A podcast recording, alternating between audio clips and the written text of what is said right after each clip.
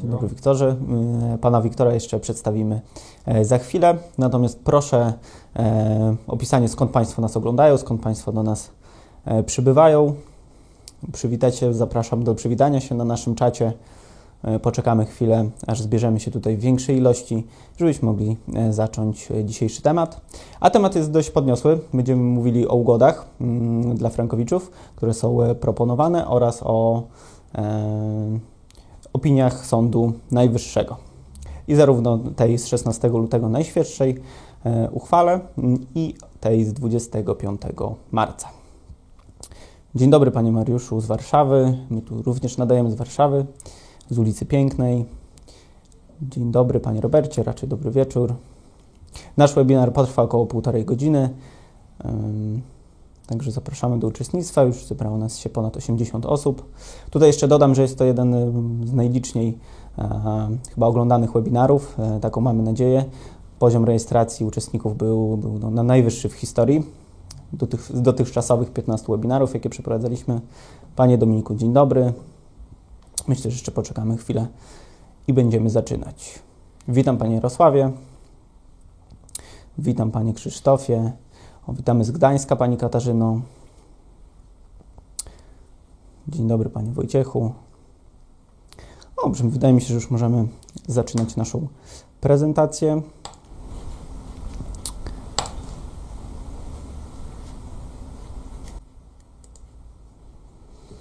Um, Także jeszcze raz, e, moim gościem jest dzisiaj pan adwokat Wiktor Budzewski. Dzień dobry. Dziękuję bardzo panie Wiktorze, że znalazł pan dla nas czas. E, dziękuję. Nie było łatwo, ale dziękuję za zaproszenie. Tak, zważając na ilość zapytań, która do nas dociera ostatnimi czasy.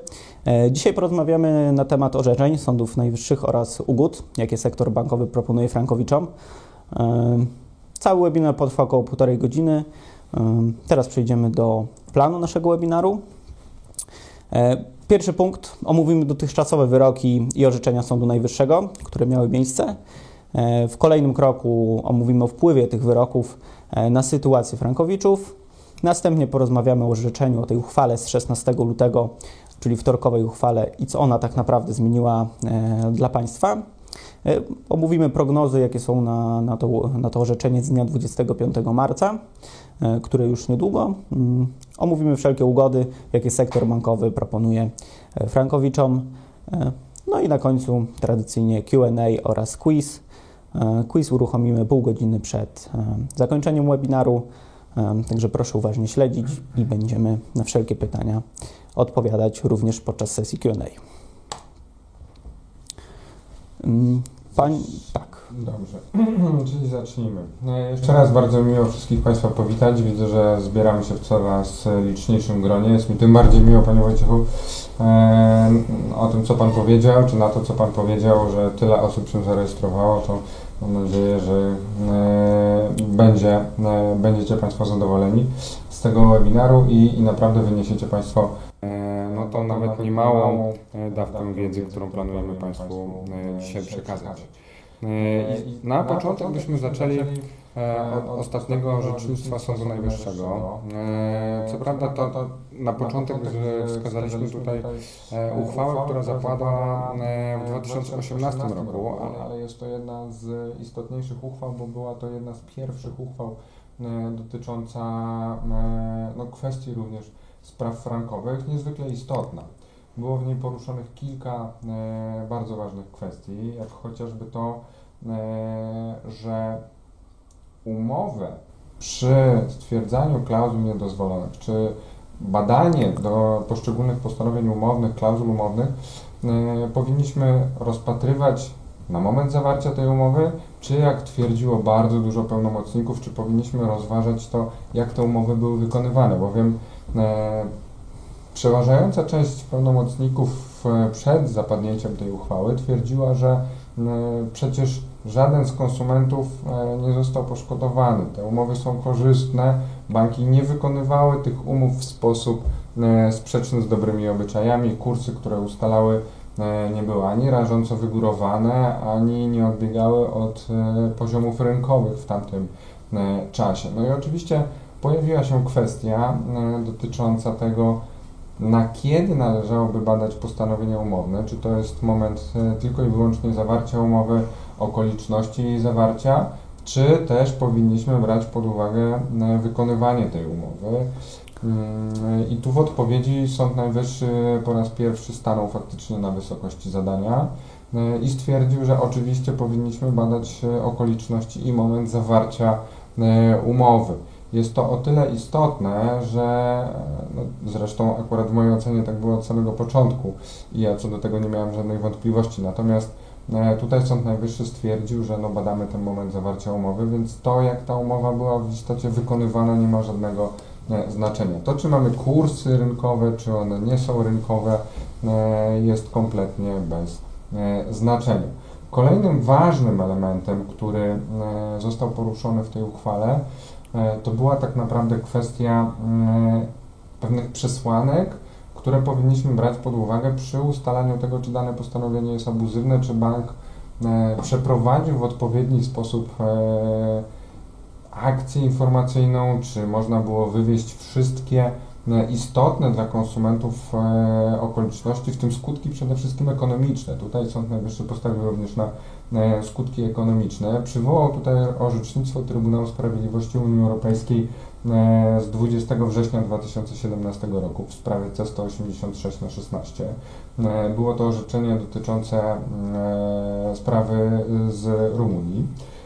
I tam faktycznie Trybunał Sprawiedliwości Unii Europejskiej, a za tym orzeczeniem tak naprawdę również Sąd Najwyższy w przedmiotowej uchwale, stwierdził, że są istotne E, okoliczności przy zawieraniu umowy i teraz kredytobiorcy, żeby można było powiedzieć, że zostali poinformowani w sposób e, odpowiedni, rzetelny i wystarczający, powinni być w stanie określić czy ustalić dla siebie konsekwencje ekonomiczne wynikające wprost z e, danego postanowienia, czy w zasadzie z umowy, która była zawierana. I ostatnią, ale nie mniej istotną okolicznością, którą tą uchwała E, e, poruszała, była kwestia nowacji, czy e, w zasadzie zmiany niedozwolonego postanowienia umownego, w pewnym sensie jego sanowanie, czyli wymiany na jakieś inne postanowienie umowne, które nie byłoby niedozwolone. I tutaj Sąd Najwyższy oczywiście stanął na stanowisku dosyć oczywistym, natomiast żeby można było mówić o nowacji, żeby można było mówić o skutecznym zrzeczeniu się E, przez konsumenta roszczeń e, czy ochrony tak naprawdę wynikającej wprost z klauzul niedozwolonych, to ten konsument musi być przede wszystkim świadomy e, niewiążącego charakteru tego postanowienia, czyli samego faktu, że ono jest niedozwolone.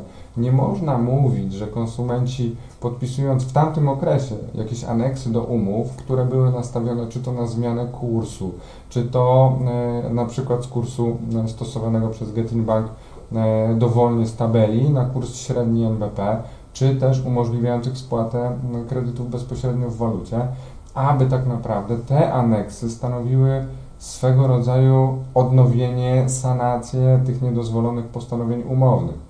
Konsumenci podpisując te umowy liczyli tak naprawdę na zmianę sposobu e, spłaty tych kredytów, a nie na e, eliminację niedozwolonych postanowień umownych. Idąc dalej, nie godzili się na e, zrzeczenie się z przysługującej im ochrony, e, wynikającej m.in. z e, klauzul niedozwolonych czy z postanowień dotyczących klauzul niedozwolonych. I to stanowisko Sądu Najwyższego, które zostało przedstawione w uchwale z czerwca 2018 roku, zostało tak naprawdę później potwierdzone, przedstawione po raz kolejny nie powiem, że powielone, bowiem Trybunał Sprawiedliwości Unii Europejskiej nie powiela e, oczywiście e, orzecznictwa sądów krajowych, e, tym bardziej, że ta sprawa nie dotyczyła bezpośrednio sprawy polskiej. Natomiast SUE w sprawie z 9 lipca 2020 roku, czyli to już jest zdecydowanie świeższy wyrok, w sprawie C452 na 18 stwierdził dosyć jednoznacznie, że zrzeczenie się z, przez konsumenta z korzystania z jego praw do ochrony jest możliwe tylko i wyłącznie, jeżeli taki konsument jest świadomy konsekwencji czy niewiążącego charakteru danego postanowienia umownego. I dopiero w sytuacji, w której konsument wie, że dane postanowienie go nie wiąże, a taki jest skutek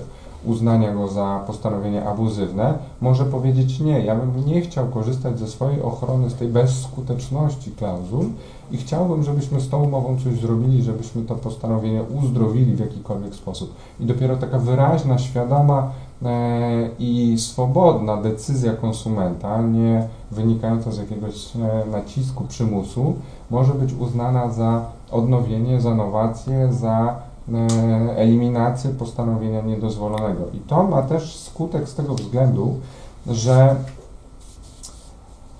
w sytuacji, w której jesteśmy dzisiaj, między innymi za orzeczeniem w sprawie państwa Dziubak, e, sądy najwyższe zaczęły, e, przepraszam, sądy powszechne zaczęły odbierać od konsumentów oświadczenia, czy oni są świadomi skutków wynikających z przysługującej im ochrony, między innymi ze skutku E, stwierdzenia nieważności umowy, czy uznania danej umowy za nieważną na skutek eliminacji klauzul niedozwolonych. Do tego wątku jeszcze e, sobie dzisiaj e, wrócimy. I tutaj sądy zaczęły pytać po prostu konsumentów, czy wiecie, jakie są konsekwencje uznania danych postanowień umownych za niedozwolone, bo gdybyście wiedzieli i one byłyby dla Was niekorzystne, uznalibyście E, że te postanowienia są dla Was niekorzystne, to być może byście chcieli zrobić coś, żeby tych niekorzystnych skutków dla Was nie było. E, natomiast tutaj oczywiście większość e, konsumentów i ja oczywiście stoję na stanowisku, że uznanie umowy za nieważną z różnych względów jest dla konsumentów zdecydowanie korzystne, bowiem nawet gdyby doszło do konieczności rozliczenia się z takiej nieważnej umowy, E, no to rozważamy kwestię zwrotu wzajemnie świadczeń, ewentualnie oczywiście, o ile nie uznamy, że one są przedawnione, ale na ten temat będziemy jeszcze dzisiaj mówili, e, ewentualnie konieczności zwrotu kwoty nominalnej, która została wypłacona bez odsetek, a ewentualnie, jeżeli chodzi o spór sądowy, to powiększoną w ogóle odsetki e, dochodzone w trakcie czy przez czas trwania postępowania sądowego. Także to jest niezwykle e, ważna uchwała, bowiem tak jak wskazałem na początku, ona w ogóle otwiera nam kwestię e, spraw e, frankowych w Sądzie Najwyższym. I tutaj ewidentnie Sąd Najwyższy za w ogóle pytaniem, bo to też jest istotne, w kontekście ostatnich wydarzeń i tego, że są plany, czy w zasadzie to już jest praktycznie pewne, że jednak e, stanowisko rzecznika finansowego, czy w ogóle funkcja rzecznika finansowego będzie zlikwidowana, a to przecież rzecznik finansowy wystąpił z pytaniem do Sądu Najwyższego e, i to właśnie w wyniku działań rzecznika finansowego otrzymaliśmy taką korzystną uchwałę, a nie e, inną. Kolejnym orzeczeniem, jednym z moich też ulubionych orzeczeń jest orzeczenie Sądu Najwyższego z maja 2019 roku, więc też stosunkowo, e, no już dzisiaj można powiedzieć, stare orzeczenie w sprawie 1 CSK 242 na 18. To orzeczenie dotyczyło, e, czy w tej sprawie konkretnej był rozpoznawany wzorzec stosowany przez e, Getin Bank. Jest ono o tyle istotne, że w tym konkretnym postanowieniu Sąd Najwyższy oczywiście znowu stanął za za frankowiczami, za konsumentami i powiedział dosyć jednoznacznie ponownie, że e, postanowienia powinny być e, formułowane prostym i zrozumiałym językiem, tak aby konsument mógł przewidzieć e, konsekwencje wynikające wprost z takiego postanowienia, czy dokładnie z takiej umowy, którą zawiera. I to jest oczywiste, że mm, konsument musi być w stanie oszacować swoje ryzyko i tutaj w pewnym sensie jest powielona E, uchwała 3CZP 29 na 17 i orzeczenie C186 na 16.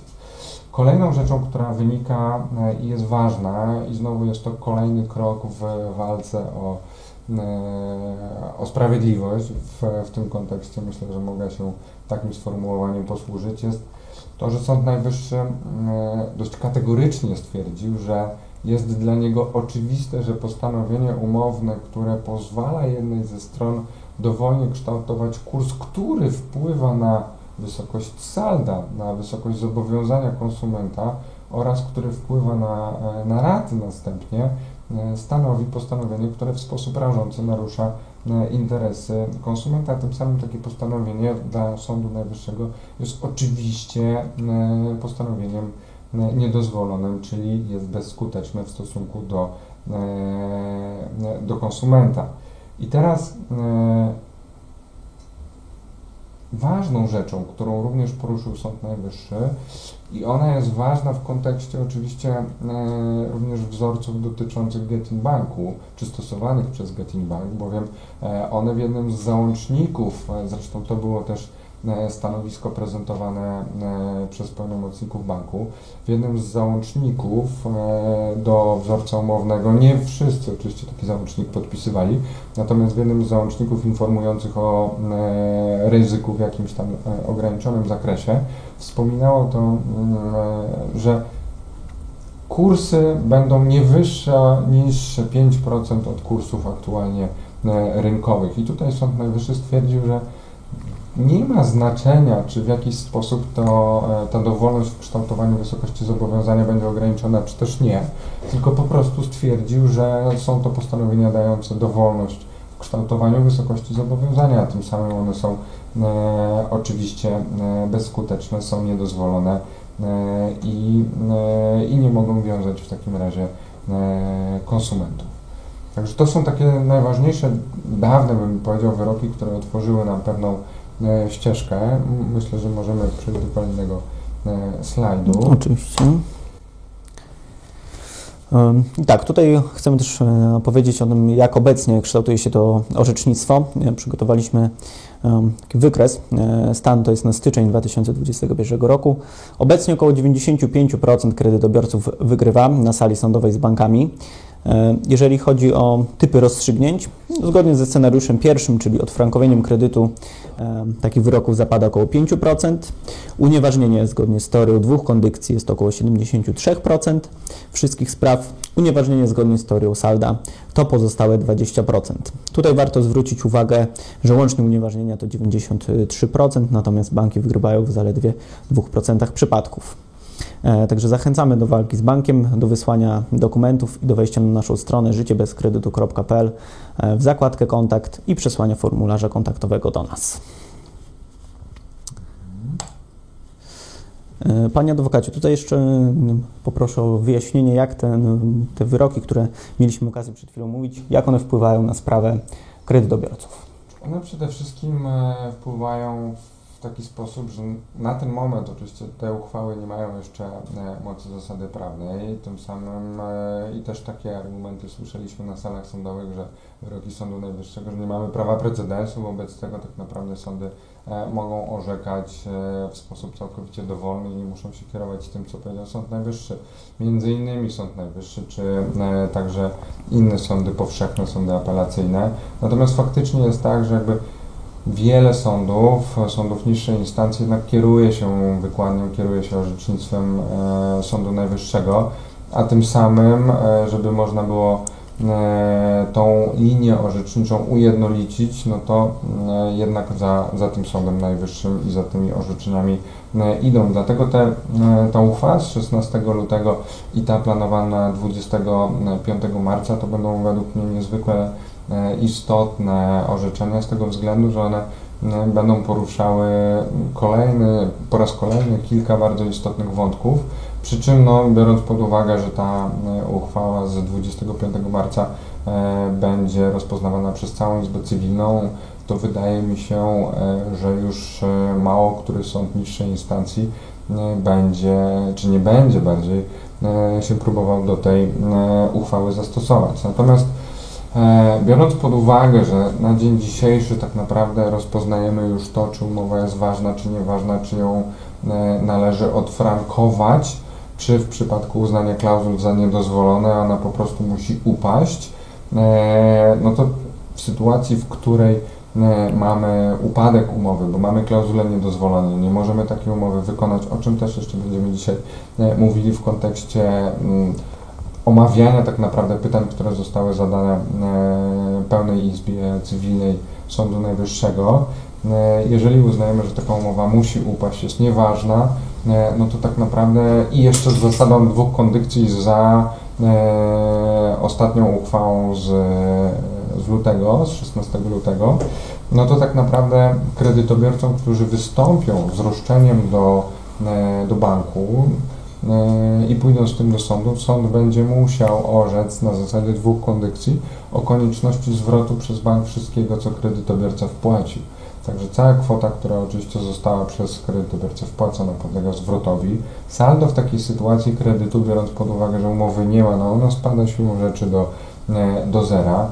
Umowa, tutaj e, wskazaliśmy na e, trochę potoczne sformułowanie unieważnienie, dlatego ono zostało ubrane w cudzysłów, natomiast to jest tak naprawdę stwierdzenie nieważności. Pojęciem unieważnienia, pojęcie unieważnienia jest stosowane E, w orzeczeniach Sądu Najwyższego, w tym, e, przepraszam, Trybunału Sprawiedliwości Unii Europejskiej, w tym w sprawie państwa Dziułak. Natomiast e, w tym orzeczeniu należałoby je rozpatrywać w kontekście uznania właśnie umowy za nieważną, czyli ustalenia, że dana umowa jest nieważna, bowiem unieważnienie, a stwierdzenie, że umowa jest nieważna od samego początku, różni się tym, że unieważnienie jest na przyszłość, i musi wynikać wprost z przepisów prawa. Między innymi takim przypadkiem byłaby e, klauzula nadzwyczajnej zmiany okoliczności, e, tak zwany rebus sixtantibus, która mówi o tym, że przy, w przypadkach e, szczególnych, jeżeli zaistniała szczególna zmiana okoliczności, której strony nie przewidywały w momencie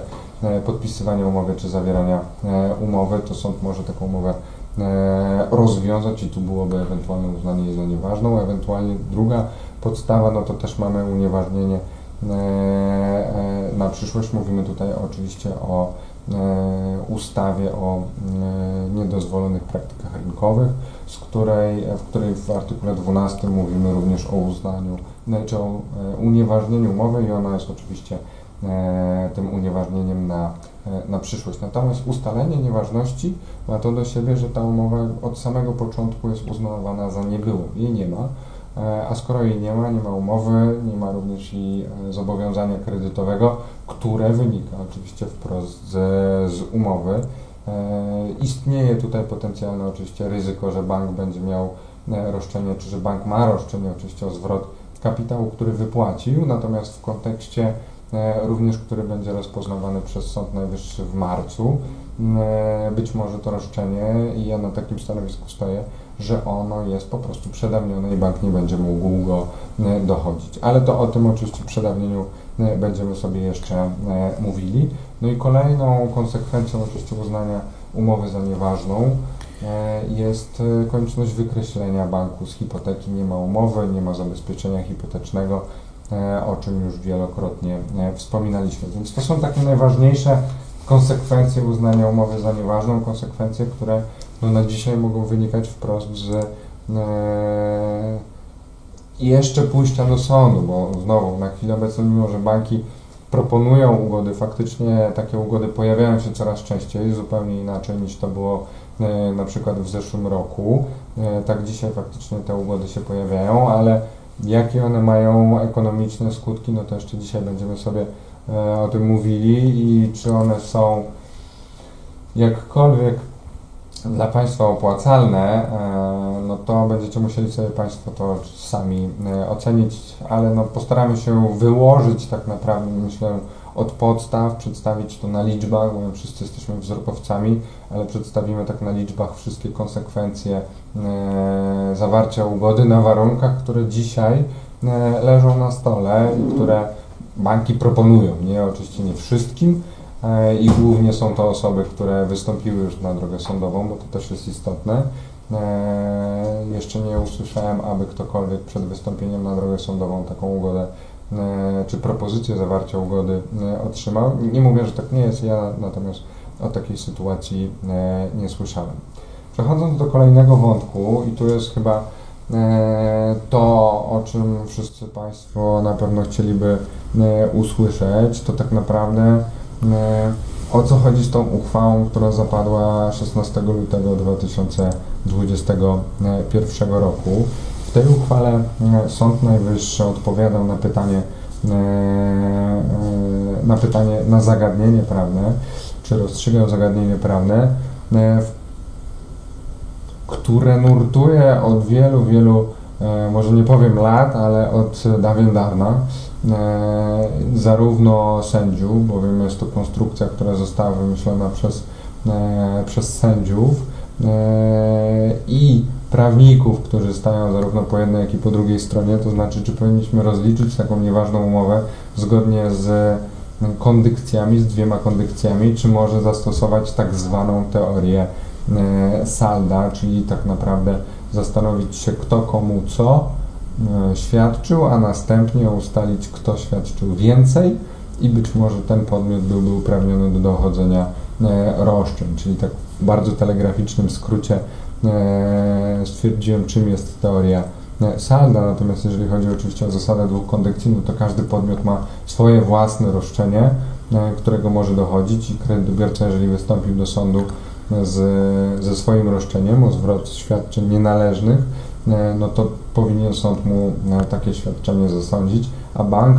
jeżeli uważa, że jego roszczenie jest mu należne, że mu się należy zwrot chociażby kapitału, który został wypłacony, e, powinien dochodzić swojego roszczenia e, w sądzie również oddzielnie. Znaczy, nie musi iść do sądu, może Państwo wezwać do, e, do zwrotu takiej kwoty, natomiast no, co do zasady, jeżeli Państwo odmówicie chociażby z uwagi na przedawnienie, to będzie musiał Państwa pozwać i wykazać, że zaistniały szczególne przypadki, które pozwolą sądom na pominięcie terminu przedawnienia.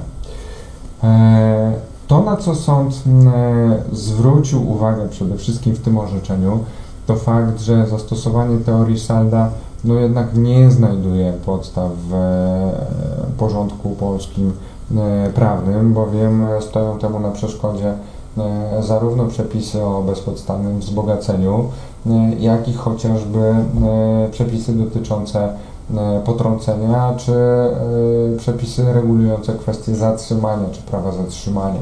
Bowiem są to przepisy, które wskazują e, na możliwość potrącania, czy w jakiś sposób wygaszania zobowiązania przez dokonanie pewnych czynności, jak chociażby przy potrąceniu złożenia oświadczenia o potrąceniu, czyli aktywnego działania po stronie, po jednej ze stron E, chociażby tutaj ustalonego nieważnego stosunku prawnego, a przy prawie zatrzymania e, musimy ustalić najpierw, czy umowa kredytu e, jest wzajemna. Jeżeli uznajemy, że jest umowa wzajemna i że bank ewentualnie byłby uprawniony do skorzystania z prawa zatrzymania, czyli może zwrócić się do sądu, że Wysoki Sądzie nie zasądzać do momentu, do którego druga strona nie oświadczy, że jest gotowa również spełnić swoje świadczenie. E, no to to wszystko świadczy na niekorzyść teorii Salda, bowiem wymaga aktywnego działania ze strony drugiej strony. W sytuacji, w której e, mielibyśmy dopuszczalną teorię Salda, to e, prawo zatrzymania, czy chociażby konieczność złożenia oświadczenia o potrąceniu, zarówno materialno-prawnego, jak i w kontekście procesowym, w ogóle nie byłyby potrzebne. Wobec tego no, tutaj Sąd Najwyższy mm, odrzucił teorię Salda i opowiedział się jednak za e, zasadą dwóch kondykcji. Przy czym, co też jeszcze istotne i chciałbym podkreślić, że e, ta uchwała, ona dotyczy zarówno kredytów indeksowanych, jak i denominowanych. Także skutki rozliczenia umów e, kredytowych e, nieważnych e, za, zarówno w kontekście artykułu 353 z indeksem 1, e, o którym sobie jeszcze dzisiaj powiemy, jak również e, w kontekście czy w skutku bezskuteczności klauzul e, przeliczeniowych, no to zawsze sąd powinien rozliczyć taką umowę jednak z dwiema kondykcjami.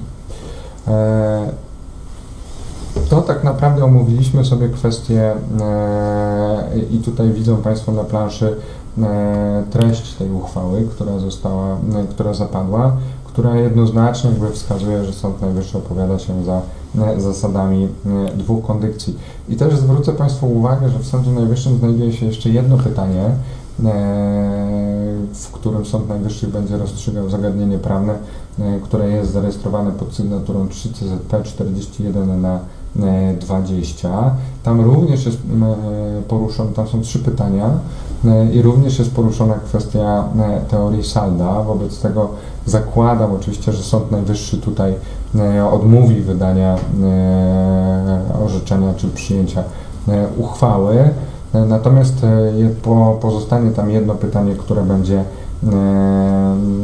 istotne również w kontekście spraw, które trwają, które są aktualnie na etapie postępowania w drugiej instancji, czy gdyby uznać, że roszczenie kredytobiorcy się nie nale jest nienależne, to czy sąd sam z siebie może w sentencji wpisać, że umowa jest nieważna, bo tutaj trzeba pamiętać, że to jest ten odwieczny spór, czy kredytobiorcy w ogóle mają interes prawny w występowaniu z roszczeniami o ustalenie e, umowy za nieważną w sytuacji, w której mają jednocześnie roszczenie o zapłatę. I tutaj e, znowu udało się e, zmienić zapatrywania sądów powszechnych na, tą, na to zagadnienie, bowiem w początkowym okresie, jak dobrze pamiętam, sądy twierdziły, że tego interesu nie ma, bowiem roszczenia o zapłatę są roszczeniami dalej idącymi, e, które konsumują niejako roszczenie o, o ustalenie. Natomiast aktualnie sądy dopuszczają ustalenie e, i dochodzenie w ogóle ustalenia razem z roszczeniem o zapłatę z, z uwagi na to, że te umowy dalej trwają. I tutaj e, nie ukrywam, że banki się przyczyniły trochę do E, przyjęcia takiego stanowiska, bowiem no, banki stawały na stanowisku cały czas, że w sytuacji, w której w sentencji wyroku nie mamy wpisane, że umowa jest nieważna, no to tak naprawdę e, dla nich wiążąca jest sentencja, nie uzasadnienie wyroku. I to, że w uzasadnieniu pojawia się stwierdzenie, że umowa jest nieważna kilkanaście albo kilkadziesiąt razy, no, to dla nich oczywiście istotna jest sentencja. Sentencja była zasądzam na przykład, Wobec tego bank wypłacał kwotę, która została zasądzona, no, ale dalej e, egzekwował umowę, no bo twierdził, że jego wiąże sentencja. Skoro sentencja go wiąże, no to e, umowa jest przecież ważna, bo nigdzie w sentencji nie ma mowy o tym, że jest nieważna, a tym samym żądał zapłaty rat, nie chciał się wykreślić z e, hipoteki.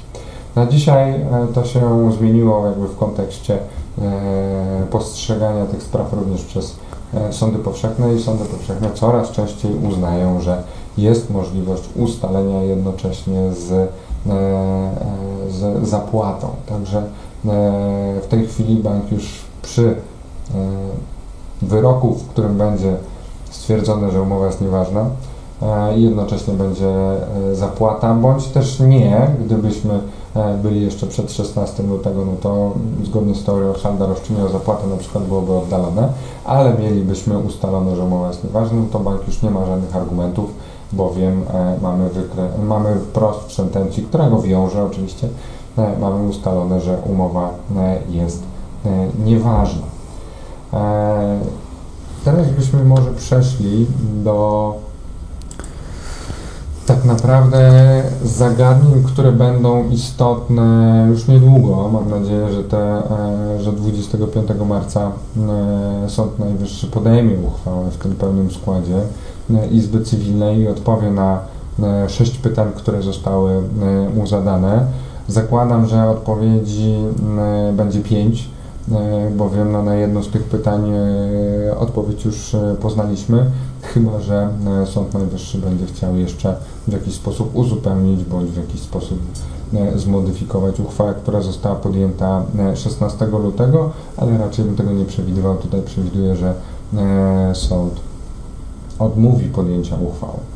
Teraz to, co będzie też istotne, jeżeli chodzi o E, uchwałę, która e, ma zapaść, no to oczywiście w pytaniu pierwszym Sąd Najwyższy e, będzie się zastanawiał, czy jest możliwe uzupełnienie umowy po eliminacji klauzul niedozwolonych. To, to jest pytanie, które nie ukrywam, jest dla mnie zaskakujące, bowiem odpowiedzi na to, że nie jest możliwe uzupełnianie umowy, E, znajdują się zarówno w orzecznictwie Trybunału Sprawiedliwości Unii Europejskiej, wynika wprost przepisów, może tego powinienem był zacząć, e, jak i orzecznictwa sądów powszechnych. Nie jest możliwe uzupełnianie e, umowy. Takie uzupełnienie jest dopuszczalne tylko i wyłącznie w wyjątkowych sytuacjach, jeżeli na skutek stwierdzenia, że dane postanowienia są niedozwolone, umowa miałaby upaść, a ten upadek byłby niekorzystny dla konsumenta. I teraz to są przesłanki, które muszą być spełnione łącznie, czyli postanowienie musi prowadzić do upadku umowy, stwierdzenia, że taka umowa jest nieważna, e, a taki upadek musi być niekorzystny dla e, konsumenta. I teraz e, tak jak wspomniałem na początku dzisiejszego spotkania, ja osobiście uważam, że ustalenie, że umowa jest nieważna, jest, e, będzie ze wszech miar korzystne dla konsumentów, z tego względu, że e, nawet gdyby konsument miał się ostatecznie rozliczyć z bankiem z tego, co zostało e, mu wypłacone, to to rozliczenie w mojej ocenie będzie się sprowadzało do rozliczenia kwot nominalnych, które zostały wypłacone. Powinna być wzięta pod uwagę kwestia oczywiście przedawnienia, które znowu w mojej ocenie powinno być liczone od dnia wypłaty kredytu i nie, jak tutaj zaakcentował w uzasadnieniu Sąd Najwyższy ostatnio, e, od chwili podniesienia przez konsumenta e, bezskuteczności w stosunku do niego klauzul niedozwolonych, ale o tym jeszcze za chwilę e, powiem. Wobec tego no, być może roszczenia banków w ogóle są w całości przedawnione, a tym samym do tego rozliczenia być może w ogóle nie, nie będzie dochodziło. E, natomiast to, co jest istotne, no to, to konsument decyduje, czy upadek umowy jest dla niego korzystny, czy jest niekorzystny. E, I znowu to również w kontekście e, sprawy państwa Dziubek i tego, co już zaakcentowałem. Aktualnie sądy najwyższe, lepsze znowu, sądy powszechne pytają się konsumentów, czy są świadomi, jakie są skutki uznania umów za nieważne. E, i gdyby one były niekorzystne, czy konsumenci uznaliby, że one są niekorzystne, to sąd powinien dążyć do e, utrzymania e, umowy w mocy.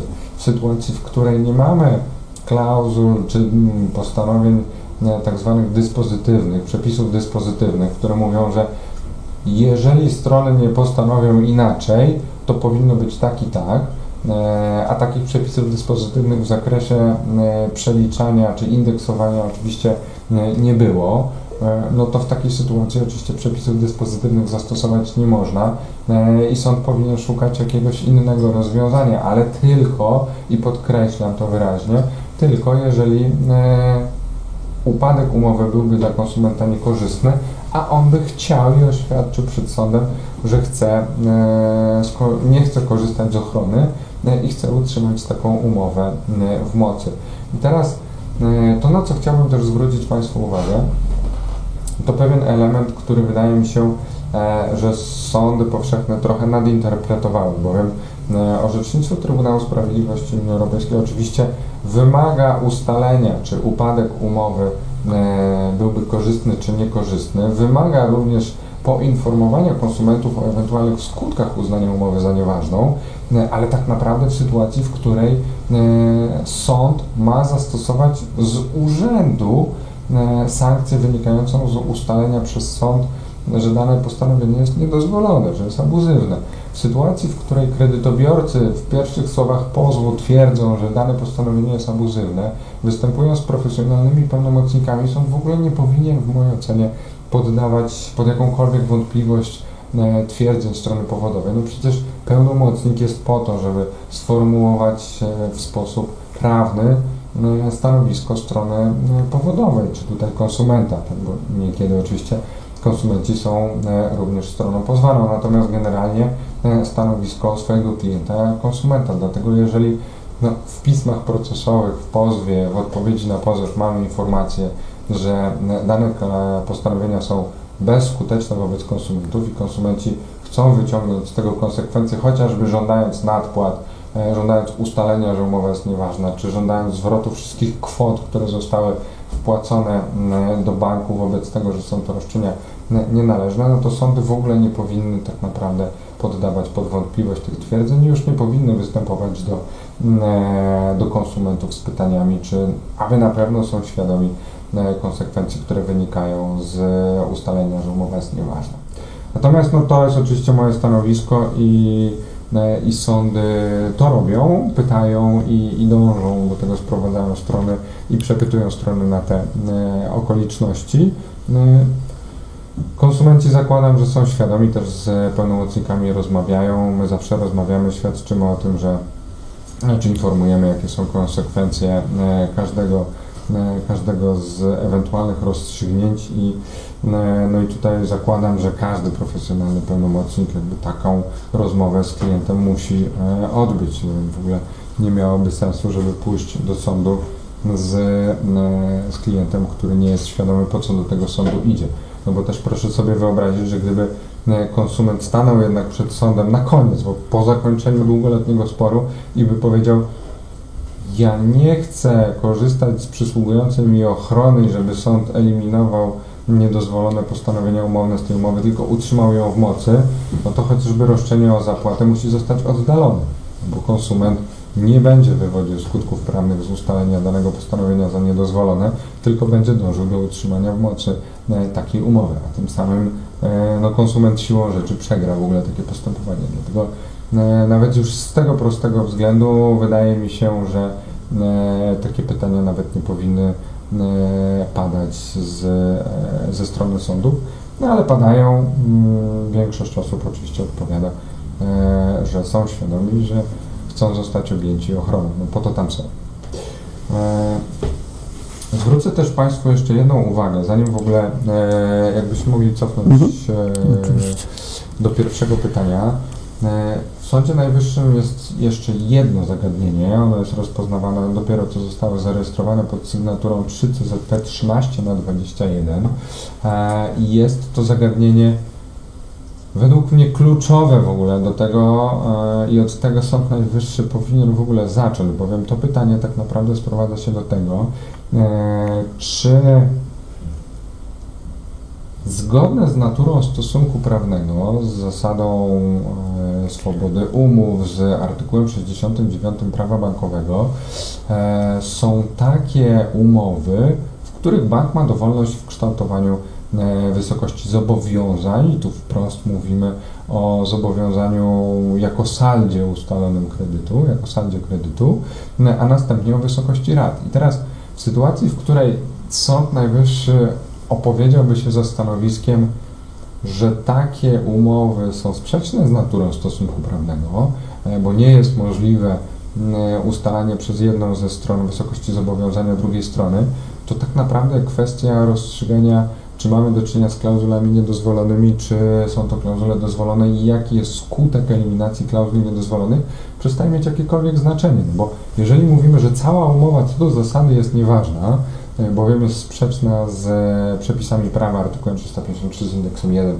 i artykułem 69 prawa bankowego, no to już nie rozpoznajemy jej poszczególnych postanowień e, umownych. Dlatego jeżeli mam być szczery, to E, byłoby naprawdę wskazane, aby Sąd Najwyższy mm, tego 25 marca, kiedy i tak będzie się kompleksowo zajmował e, rozstrzyganiem kwestii istotnych dla frankowiczów, e, jak rozstrzygać czy jak rozpatrywać postanowienia umowne za niedozwolone, jakie są konsekwencje tego, jak należy rozliczać strony, no to najpierw należałoby się zastanowić, czy takie umowy co do zasady są E, e, ważne, no bo w orzecznictwie Sądu Najwyższego, i to jest jakby niezwykle istotne, dlatego e, jestem aż zszokowany osobiście, że do dnia dzisiejszego to, to, to nie zostało ostatecznie przesądzone, no, ale od co najmniej 70 lat panuje jednolita linia orzecznicza, która mówi, że nie jest dopuszczalne, aby jedna ze stron kształtowała wysokość zobowiązania drugiej strony. No a jeżeli bank mówi, ile konsumenci mają oddać im pieniędzy, no to ewidentnie jedna ze stron wpływa na wysokość zobowiązania e, drugiej strony. E, wobec tego takie umowy co do zasady powinny być według mnie uznane za e, nieważne. Przejdźmy dalej. Te pytania zebraliśmy razem, bo oczywiście one są identyczne, dotyczą konsekwencji ustalenia E, że po klauzule przeliczeniowe w kredycie indeksowanym e, czy są bezskuteczne w kredycie indeksowanym i e, denominowanym. Skutki będą trochę inne, bowiem w kredycie indeksowanym nie będziemy mogli ustalić wysokości zobowiązania we franku szwajcarskim, czyli de facto w kredycie indeksowanym mamy przecież wskazaną kwotę kredytów złotych, mamy oprocentowanie, mamy e, czas trwania kredytu, ilość rat. Wobec tego mm, należałoby się zastanowić, czy taka umowa po eliminacji klauzuli dozwolonych może dalej obowiązywać, czy e, też nie. W mojej ocenie oczywiście nie i tutaj należałoby przywołać innymi ostatnie orzecznictwo Sądu Najwyższego w tym orzeczeniu z grudnia 2019 roku w sprawie 5 CSK 382 na 18, w której Sąd Najwyższy uznał, że klauzule indeksacyjne stanowią istotne postanowienia umowne.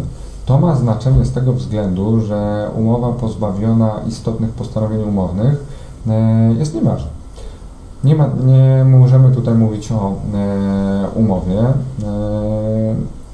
I tutaj Sąd Najwyższy przywołał bardzo szczegółowe orzecznictwo, e, bardzo szczegółowo przywołał orzecznictwo Trybunału Sprawiedliwości Unii Europejskiej, e, w tym m.in. sprawę e, C26 na 13, czy przywoływaną już przeze mnie sprawę C186 na 16, w których to e, orzeczeniach Trybunał Sprawiedliwości Unii Europejskiej ocenił postanowienia e, określające charakter danego stosunku prawnego e, jako postanowienia główne, czyli postanowieniem głównym będzie takie postanowienie i wszystkie te postanowienia, które de facto e, kształtują nam daną umowę. I oczywiście przy kredycie indeksowanym głównymi postanowieniami umownymi będą postanowienia indeksacyjny dotyczący indeksacji, czyli przeliczenia e, kwoty wyrażonej w umowie ze złotówek na franka szwajcarskiego. Czyli jeżeli te klauzule są bezskuteczne, no to nie mówimy oczywiście o kredycie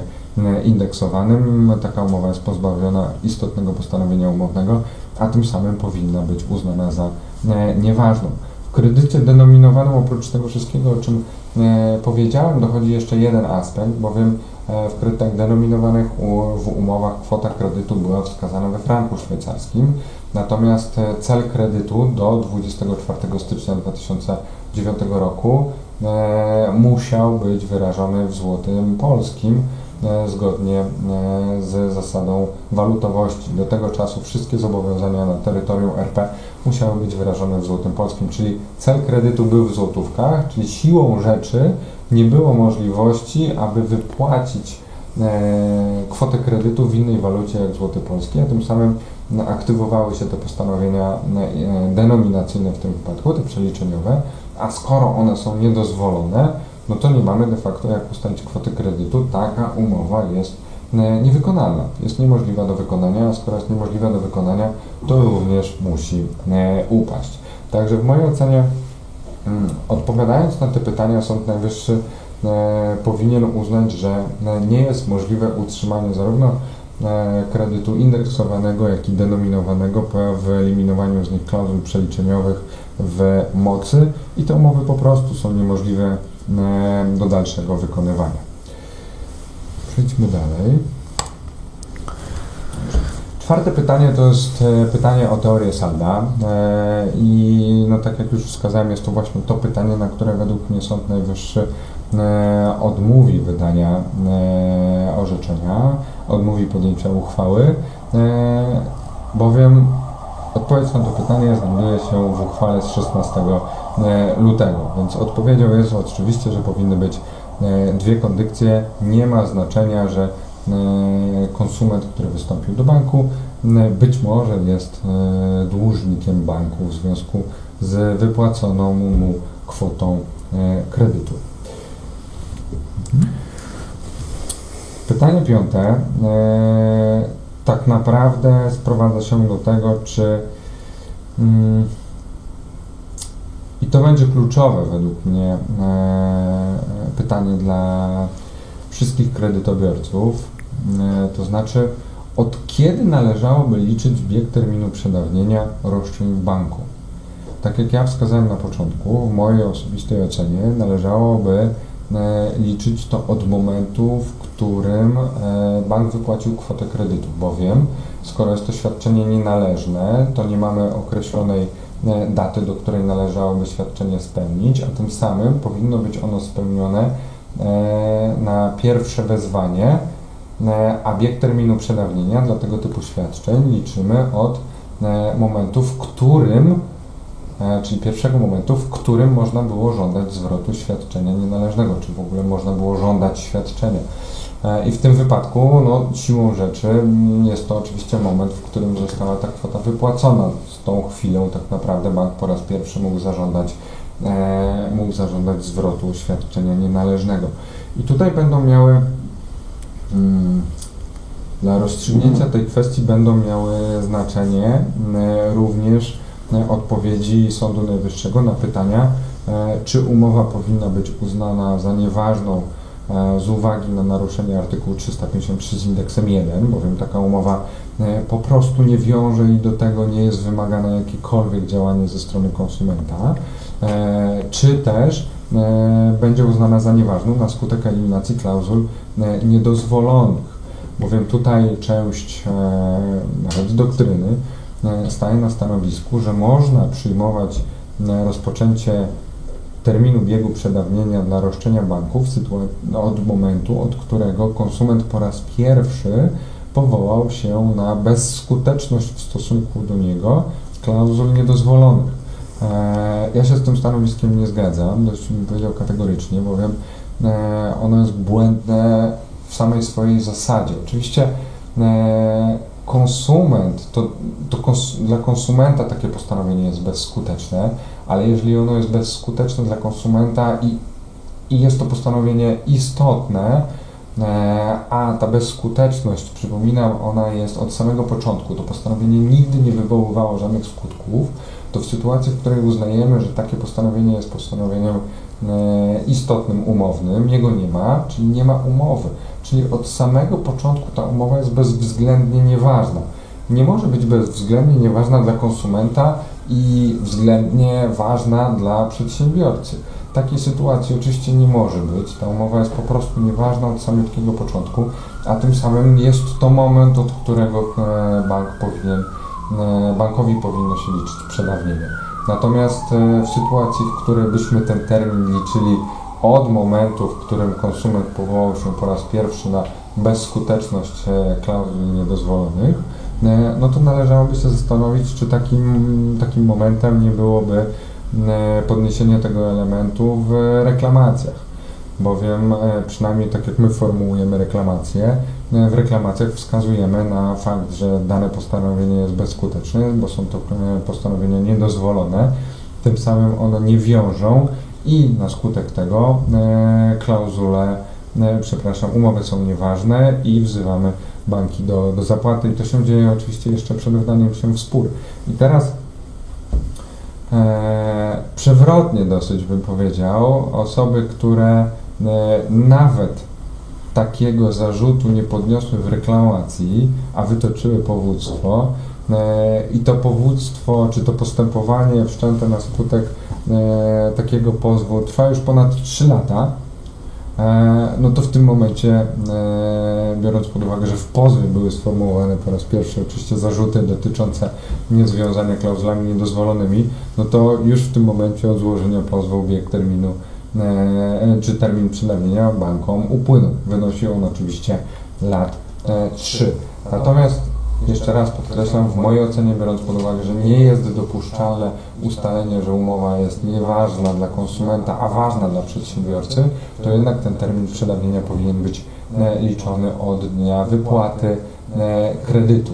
No I tutaj oczywiście na to będzie miał wpływ fakt, że postanowienia niedozwolone nie wiążą od samiutkiego, samiutkiego początku, ich nigdy w tych umowach e, nie było. Tym bardziej nie zgadzam się również z koncepcją, E, która też się pojawia gdzieś, e, że ten termin w ogóle powinien być liczony od prawomocnego rozstrzygnięcia powództwa kredytobiorcy, bo proszę sobie wyobrazić taką sytuację, że będą albo są kredytobiorcy, którzy nigdy nie wystąpią z roszczeniem do sądu. To ja się pytam, czy w takiej sytuacji te roszczenia banków w stosunku do konsumenta one się nigdy nie przydadzą? No nie, taka sytuacja jest oczywiście niedopuszczalna. Żądać ustalenia, że umowa jest nieważna, można, e, można zawsze, można po 20, 50 nawet latach, bowiem jest to roszczenie majątkowe, które nie podlega jako takie e, przedawnieniu. Przedawniają się roszczenia majątkowe, czyli na przykład roszczenie o zapłatę ale na przykład po 50 latach od zawarcia umowy kredytobiorca mógłby wystąpić do sądu e, z roszczeniem o ustalenie, że dana umowa e, była nieważna. I w tym momencie, gdyby sąd ostatecznie rozstrzygnął, że dana umowa jest nieważna po 50 latach, to to byłby termin, od którego należałoby liczyć termin przedawnienia e, banku, kiedy roszczenia kredytobiorcy przedawniałyby się oczywiście od zapłaty każdej raty. No jest to stanowisko, które jest w samej swojej e, podstawie już po prostu błędne i według mnie e, nie może się ono oczywiście e, ostać. Mam nadzieję, że tutaj Sąd Najwyższy po raz kolejny stanie na wysokości zadania i jednak uzna, że no banki miały prawo wystąpić z, po pierwsze uzna, że umowy są nieważne od samego początku, czyli rozstrzygnie kwestię artykułu 353 z indeksem 1, czy naruszenie artykułu 353 z indeksem 1 w kontekście tych umów, E, a następnie, nawet jeżeli uzna, że umowy są ważne, tak co do zasady, e, to następnie przechodząc do rozstrzygania klauzul e, niedozwolonych, również uzna, że są one nieważne i od samego początku, więc ten termin przedawnienia powinien biec od momentu wypłaty kwoty kredytu. Czy jeszcze coś chciałem? A, jeszcze zwracam tylko uwagę oczywiście, że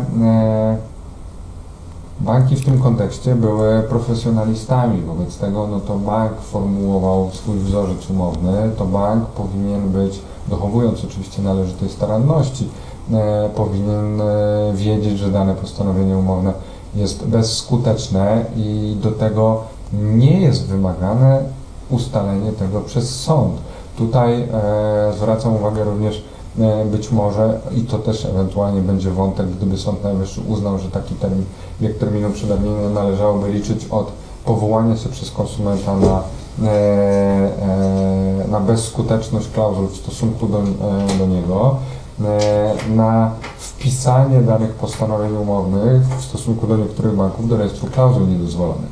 No banki, co do których postanowienia umowne zostały wpisane do rejestru klauzul niedozwolonych, z całą pewnością nie będą mogły twierdzić, że, e, że, że będą musiały czekać, czy że musiały czekać z jakimikolwiek działaniami do momentu, w którym kredytobiorca podniesie bezskuteczność danego postanowienia w stosunku e, do niego, bowiem jeszcze na chwilę obecną do 2024 roku bodajże mamy jeszcze e, rozszerzoną prawomocność przez którą należy rozumieć, że sądy powinny respektować wpis klauzul niedozwolonych do rejestru klauzul niedozwolonych e, i takie e, postanowienia z automatu powinny być uznawane za niedozwolone, no, oczywiście po zweryfikowaniu, czy danemu kredytobiorcy przysługuje status konsumenta. Tak, tutaj przechodzimy do pytania szóstego. Jeszcze Państwo uspokoję. Myślę, że przedłużymy około 10-15 minut nasz webinar, tak abyśmy mogli jeszcze zdążyli odpowiedzieć na pytania zadane na czacie. To ja tylko zobaczyć, czy mam dużo jeszcze notatek. Dobra. Jeszcze trochę poopowiadam. Ok. Odpowiadając na pytanie e, szóste, e, czy bank może żądać wynagrodzenia za korzystanie z kapitału? No, to pytanie, e, na to pytanie już odpowiedziało e, i doktryna i opowiedział się za tym rzecznik finansowy o ile pamiętam również e, Urząd Ochrony Konkurencji i Konsumentów i niektóre, mm, i niektóre sądy powszechne, że takie roszczenia oczywiście nie, bankom nie przysługują. Nie ma podstaw do tego, żeby żądały one wynagrodzenia za korzystanie z kapitału. Pierwotnie takie roszczenia były formułowane mm, na podstawie, czy stosując per analogię przepisy dotyczące mm, korzystania z rzeczy mm, w sposób e, no, bezumowny, tak, za bezumowne korzystanie z rzeczy, co oczywiście w mojej ocenie tutaj nie może znaleźć zastosowania. Też pamiętać należy o okresach przedawnienia, które są specyficzne w tego typu, e, w tego typu e, sprawach. Wobec tego, no i tutaj też bym chciał to dosyć e, wyraźnie podkreślić, że tak naprawdę e, to będą roszczenia typowo okresowe i e, bank, gdyby nawet uznać, że mu się jakiekolwiek wynagrodzenie należy, to byłoby to wynagrodzenie e, z trzech lat. A w stosunku do konsumentów, bowiem przecież bank też korzystał z kapitału, który został mu udostępniony nienależnie przez kredytobiorcę, no, no to bank oczywiście musiałby zapłacić takie wynagrodzenie za okres e, dziesięcioletni. No I tutaj, jeżeli rozważać e, by również pożytki za przepisami dotyczącymi korzystania z rzeczy, no to pamiętać należy, że bank e, ze zwrotu kwot, które zostały, czy z wpłat dokonywanych przez e, kredytobiorców osiągnął znacznie większe zyski, e, czyli pożytki od samych kredytobiorców, którzy kupili nieruchomość i po prostu tą nieruchomość mieli, w niej mieszkali i z niej korzystali. Także tutaj ewentualne przysporzenie po stronie banku z uwagi na to, że korzystał z kapitału udostępnionego mu przez kredytobiorcę będzie znacznie wyższe niż roszczenie ewentualne banku o e, zapłatę tego wynagrodzenia. Natomiast e, tu wyraźnie chciałbym podkreślić, że w mojej ocenie e, takie roszczenia bankom nie przysługują. W ostatnim czasie Banki e, zmieniły trochę koncepcję i słyszałem, nie widziałem jeszcze na własne oczy takiego pozwu, natomiast e, słyszałem, że bank sformułował swoje roszczenie w oparciu o e, naprawienie szkody. Szkody, którą poniósł wobec faktu, że nie zarobił na e, udzielonym e, kredycie.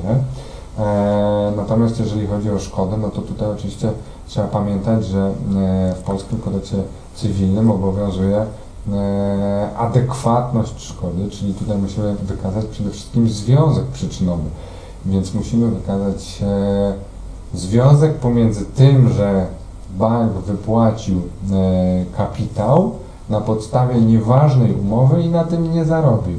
No, związkiem przyczynowym, czy w ogóle przyczyną, dlaczego tak się wydarzyło, nie było to, że kredytobiorca pieniądze przyjął czy podpisał umowę, tylko było to, że bank stworzył taką umowę, więc jakby bank e, powinien sam do siebie ewentualnie zwrócić się o naprawienie szkody, no bo sam tą szkodę e, sobie wyrządził. To nie kredytobiorcy skonstruowali tę umowę, tylko przecież stworzyły to, e, stworzyli to e, przedsiębiorcy, stworzyły to banki. I ostatni oczywiście e, argument, nie jedyny, ale przynajmniej ten, o którym chciałbym dzisiaj powiedzieć, no to jest e, po raz kolejny to podnoszę, E, w mojej ocenie naruszenie zasady, przepraszam, dyrektywy 9313, która no jednak wymaga pewnych konsekwencji od, od przedsiębiorcy, który posługuje się klauzulami niedozwolonymi i wyciągania takich konsekwencji i zapewnienia takich przepisów, które będą odstraszały jednak tych przedsiębiorców od tego, żeby tych klauzul nie stosowali w sytuacji, w której taki przedsiębiorca będzie miał oddać to, co nieuczciwie e, uzyskał, no to nie będzie w żaden sposób dla niego e, odstraszające, tak, a w mojej ocenie jednak będzie, e, będzie jednak wręcz zachęcające. No dobrze. Tutaj macie Państwo krótkie podsumowanie, już tak bardzo telegraficznym skrócie. Na zagadnienie pierwsze umów nie można uzupełniać, zagadnienie drugie i trzecie nie jest możliwe utrzymanie umów w mocy, zagadnienie czwarte obowiązuje tylko i wyłącznie zasada dwóch kondycji, zagadnienie piąte termin przedawienia według mnie powinien biec od daty wypłaty, w ostateczności od podniesienia przez konsumenta zarzutu niezwiązania go, e, niezwiązania go e, klauzulami niedozwolonymi. E, zagadnienie szóste, w mojej ocenie nie ma wynagrodzenia za korzystanie z kapitału, nawet e, gdybyśmy takie e, wynagrodzenie rozpoznawali, to pamiętajmy, że bank również korzystał e, nienależnie w sposób bezpodstawny z kapitału udostępnionego mu przez kredytobiorcę. Roszczenia banków przedawniają się z upływem lat 3, roszczenia kredytobiorców w tym wypadku z upływem lat 10, po nowelizacji kodeksu cywilnego 6 lat. Mm. I tym akcentem przechodzimy płynnie do ugód i propozycji sektora bankowego względem frankowiczów. Jakie są tak naprawdę typy ugód i o co z tymi ugodami chodzi, panie adwokacie? Ugoda generalnie ma to do siebie, że powinna zakończyć spór pomiędzy stronami. Ugody są, znaczy mogą być zawierane w sposób e, różny. Przede wszystkim mamy e, umowy sądowe i umowy pozasądowe. E, I to jest taki najbardziej powszechny i, i najważniejszy podział ugód, które mogą być zawierane w, każdych ze, w każdym ze sporów. Ugody, ugody sądowe mają oczywiście tą tym różnią się od wszystkich innych ugód, że są zawierane przed sądem, sama nazwa wskazuje. Natomiast też trzeba pamiętać, że ugoda zawarta przed sądem będzie korzystać z powagi rzeczy osądzonej i taką ugodę byłoby co do zasady bardzo trudno podważyć. Każda inna ugoda, jak chociażby na przykład e, przywoływane już dzisiaj e, aneksy, które no to też są przecież formy e, jakichś ugód, formy zmian umowy, czy formy e, zmiany e, postanowień umownych. E, no dzisiaj wiemy, że takie postanowienia e, możemy e, w sposób skuteczny e, podważać i to mówi o tym również i e, Sąd Najwyższy. Można się uchylać od skutków prawnych oświadczeń woli złożonych pod wpływem błędu. Także no, generalnie ugoda zawarta e, poza, poza sądem e, może być w jakiś sposób e, podważana. E, natomiast jest to forma, która nie wymaga pójścia do sądu. Taką ugodę może przygotować każdy. Może przygotować ją oczywiście bank, może przygotować ją państwa prawnik, może przygotować ją rzecznik finansowy, e, czy również i e, mediator. W sądzie sądy przygotowują e, co do zasady sądy, natomiast z praktyki wygląda to też, czy w praktyce wygląda to też w ten sposób, że przygotowują pełnomocnicy i sąd tylko weryfikuje, czy taka umowa po pierwsze jest dopuszczalna, po drugie, czy nie będzie e, dla konsumentów e, w sposób, e, nie będzie w jakiś sposób e, niekorzystna i sąd tutaj również bardzo często wychodzi z inicjatywą i informuje o pewnych skutkach e, danych postanowień e, e, tutaj w zakresie ugody. Także jeżeli e, w ostateczności przed sądem jakieś postanowienie miałoby być dla e, konsumenta niekorzystne, no to sąd, sądy bardzo często również e, wskazują, że takie postanowienie budzą jego wątpliwości, czy nie zwracają uwagę, że to może mieć jakieś niekorzystne skutki.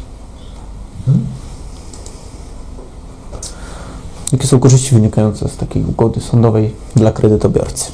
Trochę już o tym powiedziałem. Przede wszystkim, że są e, zdecydowanie trudne do, e, do podważenia. Natomiast e, tak globalnie rzecz ujmując, ugody mają to do siebie, że one w ogóle powinny zamknąć spór tak raz na zawsze.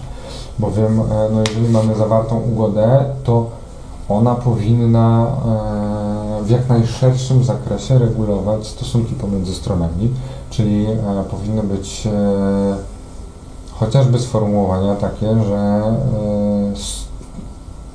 pewne świadczenia, jakie strony poukładają, czy kredytobiorca będzie musiał coś oddać, czy e, jednak bank będzie musiał coś zapłacić, e, to strony powinny się czy zrzec innych roszczeń, czy powinny stwierdzić, że te konkretne świadczenia będą wyczerpywały ich roszczenia wynikające z danego stosunku prawnego.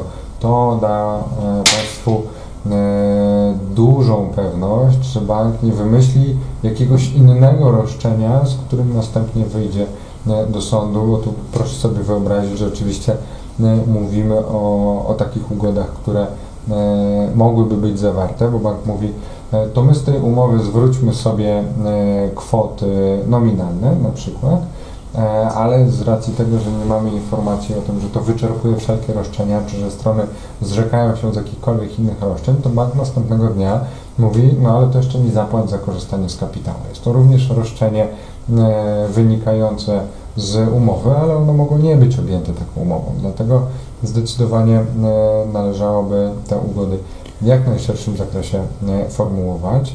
E, I oczywiście e, to, co też jest dla Państwa ważne, to przynajmniej z mojego e, doświadczenia o tym, o czym wspomniałem e, wcześniej, to to, że ugody są proponowane osobom, które w tym sądzie już są.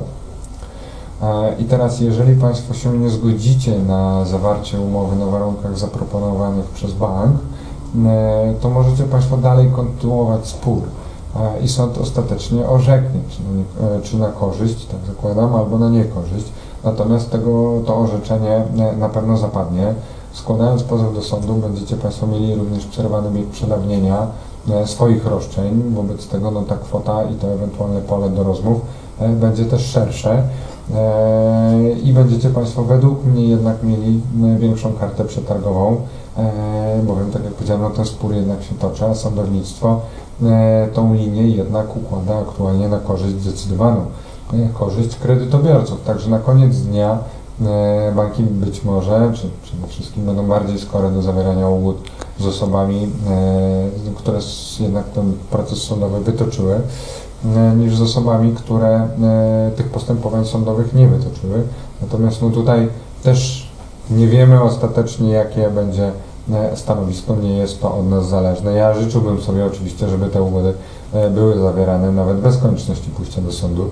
E, Natomiast tutaj też tylko bym zwracał uwagę, żeby na hura nie godzić się na propozycje banków, bowiem e, chociażby tak jak w kontekście, no być może pan, Państwo pamiętają, e, wakacji kredytowych związanych z COVID-em, no to banki w pierwszym okresie nawet nie udostępniały treści tych aneksów, a następnie i przez to jeden z banków miał wszczęte postępowanie, na pewno były tam wprowadzone postanowienia, w których e, kredytobiorcy na przykład uznawali wysokość e, zadłużenia, które dzisiaj już wiemy, że nie było ich rzeczywistą e, wysokością zadłużenia, bowiem w tych umowach są klauzule niedozwolone. Także no, tutaj trzeba uważać, żeby bank nie, powiem dość kolokwialnie, ale nie przemycił jakichś postanowień, które wyłączałyby kredytobiorcom możliwość pójścia później do, do sądu. Pamiętajcie też Państwo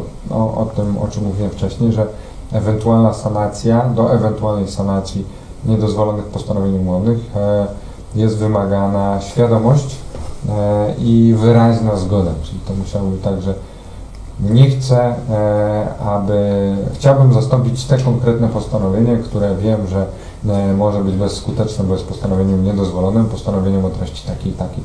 Tak mniej więcej według mnie powinno brzmieć e, postanowienie sanujące. Natomiast e, no, banki próbowały i według mnie dalej będą próbować e, jakieś postanowienia wprowadzać, które będą oczywiście zabezpieczały banki. No, to jest akurat być może mm, nie odkryję nic nowego, ale pewnie będąc na miejscu pełnomocników banku robiłbym dokładnie to samo.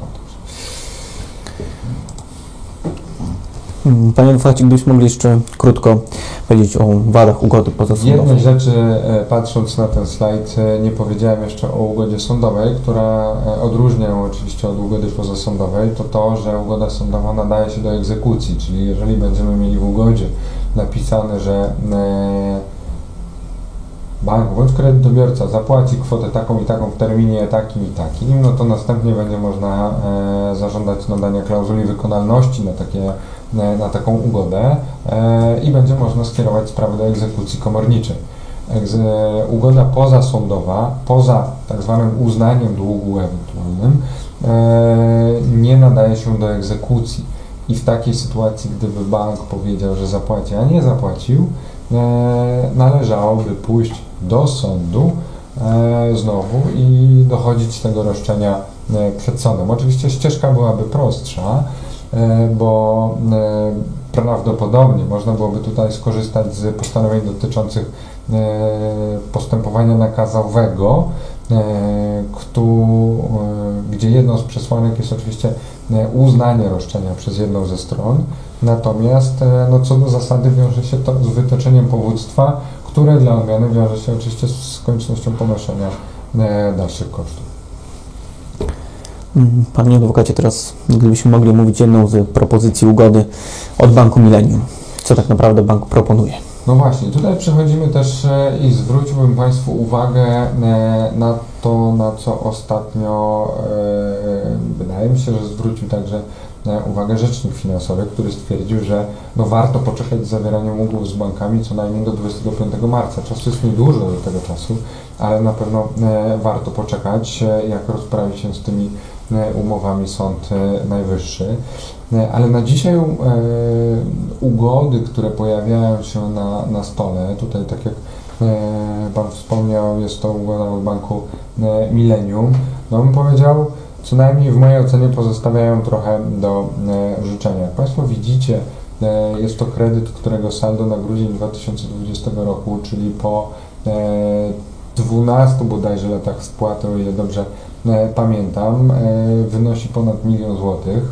E, Rata miesięczna wynosi w granicach 3000, e, 3600 zł, e, a marża oparta oczywiście o LIBOR, e, przepraszam, Marża wynosi 1 e, i 1%, ale ten kredyt jest oparty o e, stawkę e, LIBOR. To jest jakby ważne, jakby, żeby ocenić tą propozycję banku, żebyśmy ustalili sobie te parametry wejściowe.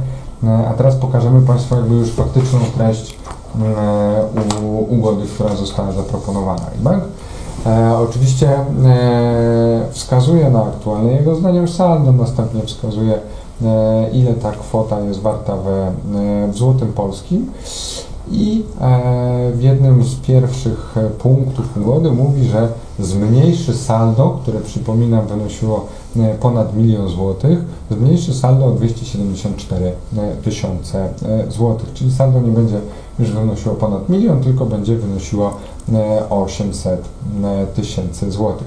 Dodatkowo, i to jest niejednokrotnie podkreślone, bank obniży marżę. Czyli jak widzimy, tam była marża 1,1, tutaj bank e, dobrodusznie obniża marżę do 0,8%, no co też wydaje się korzystne i wskazuje również na e, obniżenie miesięcznej e, raty.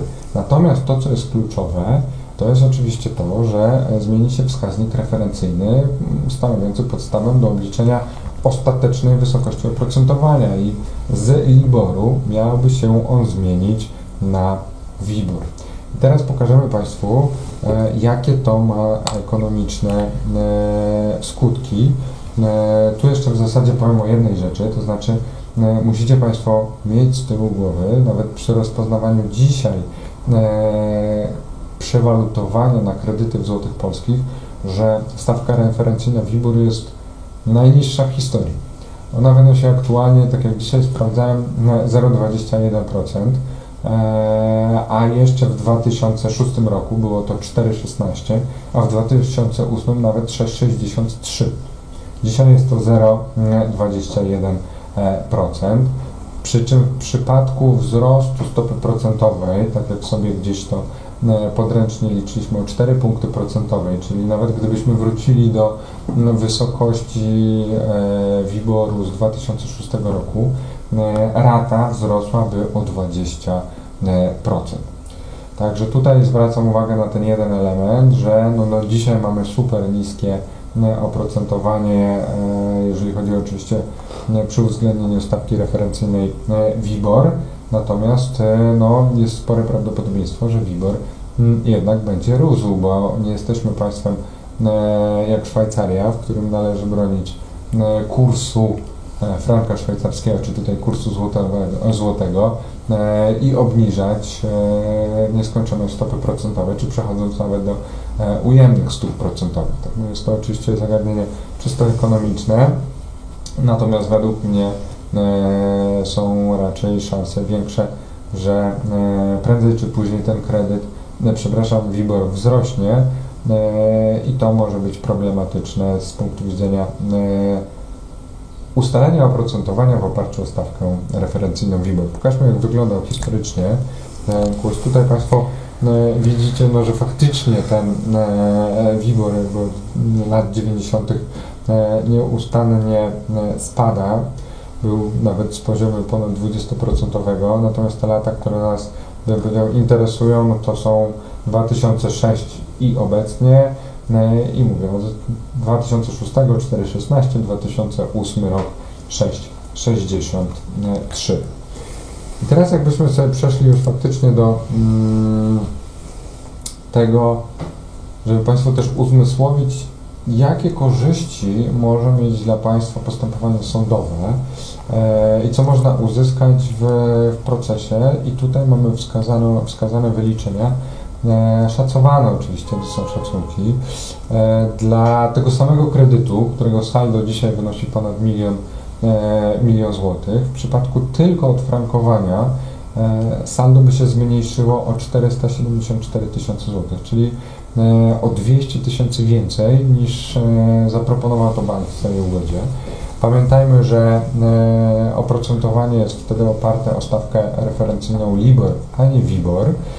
E, Zmniejsza się dalej oczywiście też i rata, e, a tym samym E, A i jeszcze jedna ważna okoliczność, no te nadpłaty, które powstawały w związku z tym, że nie mamy odniesienia do franka szwajcarskiego i rata nigdy nie była narażona na wzrost kursu franka szwajcarskiego, również są, powstają pewne nadpłaty, gdzie suma tych nadpłat na dzisiaj to jest kwota w granicach 400 tysięcy złotych. To jest ta kwota, która jest nienależna, czy była nienależna i powinna podlegać zwrotowi.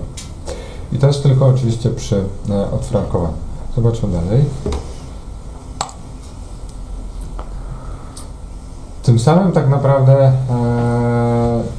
jeżeli sobie to podsumujemy, czyli 200 tysięcy e, więcej w przypadku odfrankowania i 400 tysięcy zwrotu na konto, no to już tylko z tego względu mamy o ponad 600 tysięcy mamy 600 tysięczną różnicę pomiędzy e, ofertą ugody dzisiejszą, która leży na stole Banku Millennium, a tą e, czy rozstrzygnięciem, które, e, które można otrzymać w przypadku e, odfrankowania. Mhm. E, W przypadku unieważnienia kredytu, no to tak jak już żeśmy sobie rozmawiali, biorąc pod uwagę, że dzisiaj już wiemy, że mamy do czynienia z e, zasadą e, dwóch kondycji, no to mamy zwrot wszystkich kwot, które zostały e, wpłacone, zmniejszenie salda kredytu z miliona siedemdziesięciu do zera i brak konieczności spłaty dalej tego kredytu. Oczywiście powstaje to ryzyko, że bank wystąpi z roszczeniem, natomiast przy uwzględnieniu tych wszystkich okoliczności, o których rozmawialiśmy, przy okazji również e, omawianych pytań e, rozstrzyganych przez Sąd, Najwy, e, Sąd Najwyższy e, w marcu, które mają być rozstrzygnięte, e, to być może roszczenia banku będą uznane e, za przedawnione. I znowu jest kwestia e, artykułu 117 z indeksem e, 1, który mówi, że w szczególnych okolicznościach sąd może pominąć e, fakt, że e, te, bieg, termin przedawnienia upłynął. E, natomiast no, tutaj muszą zaistnieć szczególne okoliczności. Oczywiście jedna ze stron musi być narażona na e, rażącą stratę e, i tutaj będzie do wzięcia oczywiście według mnie, co już kilkukrotnie e, w swoich wypowiedziach podkreślałem, tak zwana zasada czystych rąk, czyli nikt nie może się powoływać na zasady współżycia społecznego, które są pochodne e, e, tych, o których mówi artykuł 117 e, z indeksem 1, kodeksu cywilnego oczywiście. E, nikt nie może się powoływać na naruszenie zasady e, zasad współżycia społecznego, jeżeli sam te zasady łamie. No a tutaj pamiętajmy, że przecież to e, bank stworzył ten wzorzec umowny, a nie e, kredytobiorcy. Tutaj sporządziliśmy dla Państwa e, tabelaryczne zestawienie e, różnic pomiędzy, e, pomiędzy ofertą, a tak naprawdę e, odfrankowaniem. I to, na co ja bym chciał, żebyśmy tutaj już też nie przedłużali, bardzo zwrócić Państwu uwagę, to znaczy ten element, gdzie bank zagrał obniżeniem marży z 1,1 do 0,8. Proszę zwrócić uwagę, że jeżeli weźmiemy marżę 0,8 e, i oprzemy ją o stawkę referencyjną WIBOR, która wynosi 0,21, to skończymy z oprocentowaniem wynoszącym 1,01. Natomiast w przypadku odfrankowania, jak będziemy mieli dalej marżę na tym samym, e, na tym samym poziomie 1,1, czyli nie ugniemy się, nie będziemy chcieli tej obniżki o 0,3 punkta procentowego, e, przy uwzględnieniu LIBOR-u, który wynosi minus 0,76, to skończymy z oprocentowaniem na poziomie 0,34%. No to jest e, prawie o 0,7 e, punkta procentowego e, więcej, czyli niższym oprocentowaniem. Wiadomo, że im niższe oprocentowanie, tym siłą rzeczy raty państwa będą niższe. Dlatego no, w naszej ocenie inaczej, może powiem, ocenę, czy takie postanowienie, czy taka ugoda byłaby dla Państwa korzystna, no to już pozostawiam oczywiście Państwu. Teraz możemy przejść do krótkiego podsumowania tych realnych korzyści dla kredytobiorcy. E, W przypadku, tu jeszcze jest różnica e, i tu wskazaliśmy na teorię salda, natomiast myślę, że ona biorąc pod uwagę tą uchwałę, która zapadła, e, no to e, tutaj nie ma się nad czym za bardzo rozwodzić, natomiast w przypadku teorii Selda w tym wypadku również nastąpiłby zwrot e, franków szwajcarskich, e, bowiem e, tutaj e, nie ma możliwości e, potrącenia złotówek z frankami szwajcarskimi, e, bowiem potrącić ewentualną walutę e, mogłaby osoba, która byłaby zobowiązana do zwrotu waluty, a nie e, osoba, która żąda ewentualnie waluty. Także tutaj e, nastąpiłoby oczywiście zwrot 50 tysięcy franków e, i, i złotówek wpłaconych z ostatniego okresu. Tutaj mamy oczywiście przy dwóch kondycjach. Tak, panie adwokacie, poprosiłbym jeszcze, żebyśmy, żeby pan ze mną został. E, Odpowiemy na kilka pytań z naszego czatu. Co prawda Oczywiście. za dużo czasu nie mamy, ale, ale myślę, że na parę losowych pytań wybranych możemy odpowiedzieć. Oczywiście zachęcamy Państwa do kontaktu z nami przez naszą stronę internetową, czy też do kontaktu telefonicznego. E, Na bieżąco odpowiadamy na pytania, telefony odbieramy praktycznie zawsze. E, Jeszcze od razu tutaj do czatu wrzucimy nasz quiz, o ile nie został wrzucony. E, Proszę otworzyć sobie w jakiejś innej karcie i po webinarze od razu przejść do uzupełniania. E, możemy zadać pytanie. Mhm. Czy zmienia się koncepcja pozwu w związku z mm, ostatnimi e, rozstrzygnięciami Sądu Najwyższego? Według mnie, według mnie na razie nie. To znaczy, no ja oczywiście ciężko mi wypowiadać się za kogokolwiek innego, natomiast ja od samego początku e, stałem na stanowisku, że te umowy będą uznawane za nieważne. E, Wobec tego roszczenia, które my formułowaliśmy, były to roszczenia o zapłatę e, i roszczenia o zapłatę polegające na zwrocie wszystkich kwot, które były wpłacone przez e, ostatnie 10 lat i jako roszczenie ewentualne z uwagi na e, rozbieżność orzecznictwa e, formułowaliśmy roszczenie o odfrankowanie. W tym, w tym momencie e, to się nie zmienia. E, Na dalszym etapie postępowania tutaj z takiej praktyki własnej tylko wskazuje, że e, tam, gdzie wiemy, że sędziowie orzekają o, i przyjmują koncepcję możliwości ustalenia obok roszczenia o zapłatę, e, rozszerzamy powództwo, ale to już jakby na dalszym etapie postępowania e, i występujemy obok roszczenia o zapłatę z roszczeniem o, e, o ustalenie. Także osobiście powiem, że e, te orzeczenia, które e, zapadły, czy że, które mają zapaść, e, w samej koncepcji konstrukcji składania pozwu e, nic, e, nic według mnie zmienią, nie zmienią w sensie e, i, i my dalej będziemy szli tą ścieżką, bo kolejne orzeczenia tylko potwierdzają, e, że była ona przynajmniej z naszego punktu widzenia e, prawidłowo obrana. Mhm. Także mam nadzieję Pani Aneto, że wyczerpałem e, Pani, e, pani e, odpowiedź. A Panie Wojciechu, sekundkę, bo to jeszcze Mhm. W zakresie już jakby samego sformułowania roszczenia, to przyznam się szczerze, Panie ale to jeszcze tylko tak podkreślę, e, to tu ucieknę, jak typowy prawnik, odpowiem, to zależy. E, I jeżeli będzie Pani zainteresowana, to oczywiście zachęcam do, do przesłania umowy, wtedy sobie e, porozmawiamy na ten temat, natomiast E, faktycznie nie to, że chcę uciekać od, od odpowiedzi, ale to zależy od wielu czynników. Od tego, czy została spłacona e, kwota nominalna, czy e, jest Pani tego samego zdania, co my, że e, E, bank powinien ponieść konsekwencje, a tym samym e, powinny, e, powinien Pan zwrócić wszystkie kwoty, które zostały wpłacone. To jest wiele zmiennych, które nie pozwalają mi tak zero-jedynkowo odpowiedzieć na, na Pani pytanie. Mhm. Mm, Tutaj może jeszcze pytanie Pani Janny, punkt 5 na 26 marca. Co od niego właściwie zależy?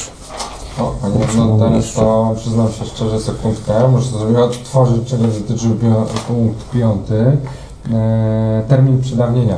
No od tego e, zależy, zależy dużo, to znaczy jeżeli Sąd Najwyższy uznałby, że e, roszczenia banków przedawniają się od, nie daj Boże, prawomocnego orzeczenia, e, które wytoczył konsument, w którym została uznana umowa za nieważną, to tak naprawdę świadczyłoby to o tym, że od tego momentu bank może dochodzić kwoty, którą wypłacił.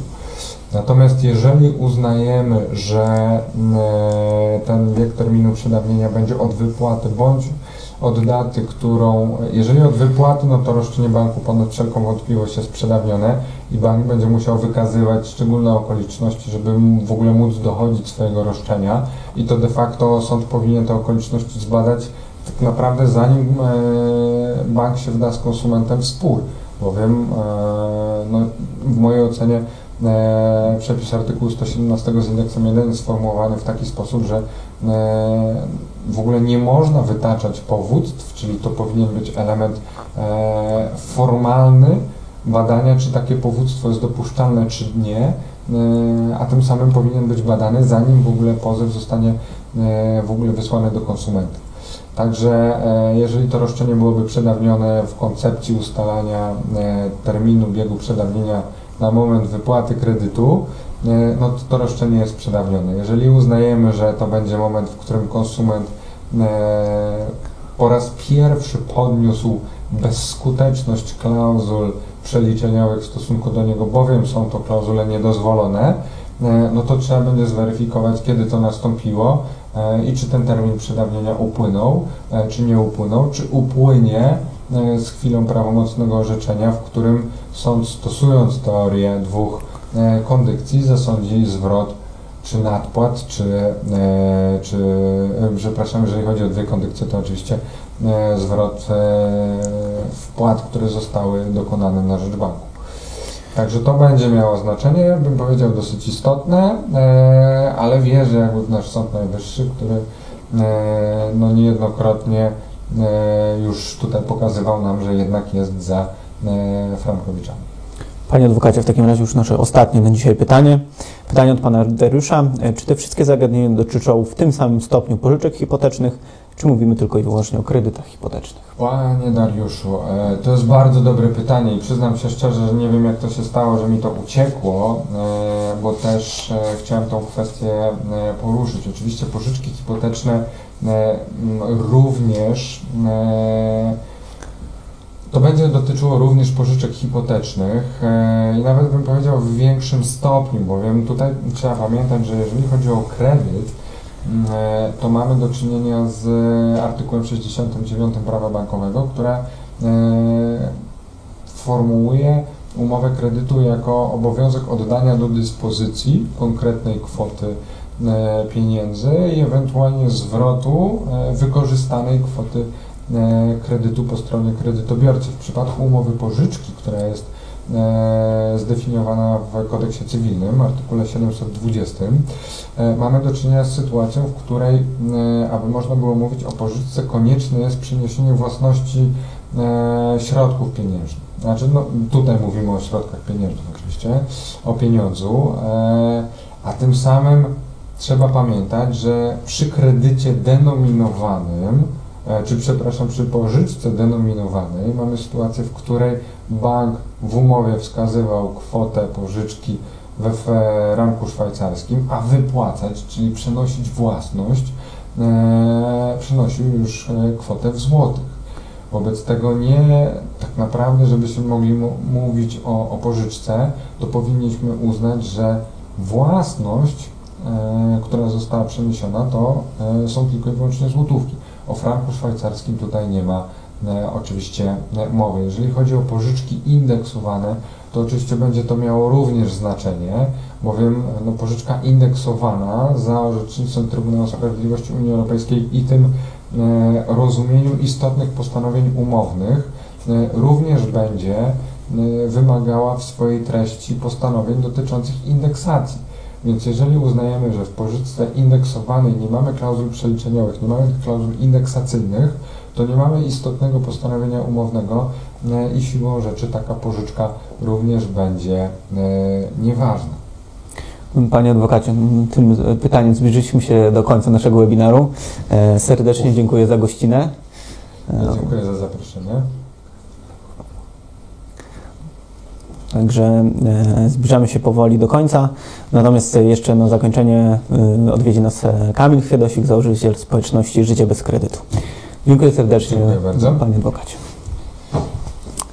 Nie, nie, może tak na szybko, tylko pożegnam się z Państwem. Przepraszam bardzo. Dziękuję bardzo. Dzisiaj był tak e, wyczerpany ten temat e, wszystkich pytań, że stwierdziłem, że nie będę tutaj robił słabego tła dla adwokata. Natomiast oczywiście zapraszamy na pozostałe, odpowiedź na pozostałe pytania. Postaramy się udzielić w programie Ekspres Frankowiczów, bądź też proszę po prostu wysłać mailem. No i oczywiście będziemy starali się na bieżąco odpowiadać, tak jak zawsze to robimy. Dziękuję serdecznie. Jeszcze raz cieszę się, że był tak ciekawy. Dostałem mnóstwo SMS-ów, że, że nasze dzisiejsze mm, tutaj spotkanie odbiło się dobrym echem, także dziękuję, gratuluję jeszcze ja raz. dziękuję. Dziękuję bardzo. Dzięki, Dziękuję bardzo. do widzenia. Do widzenia.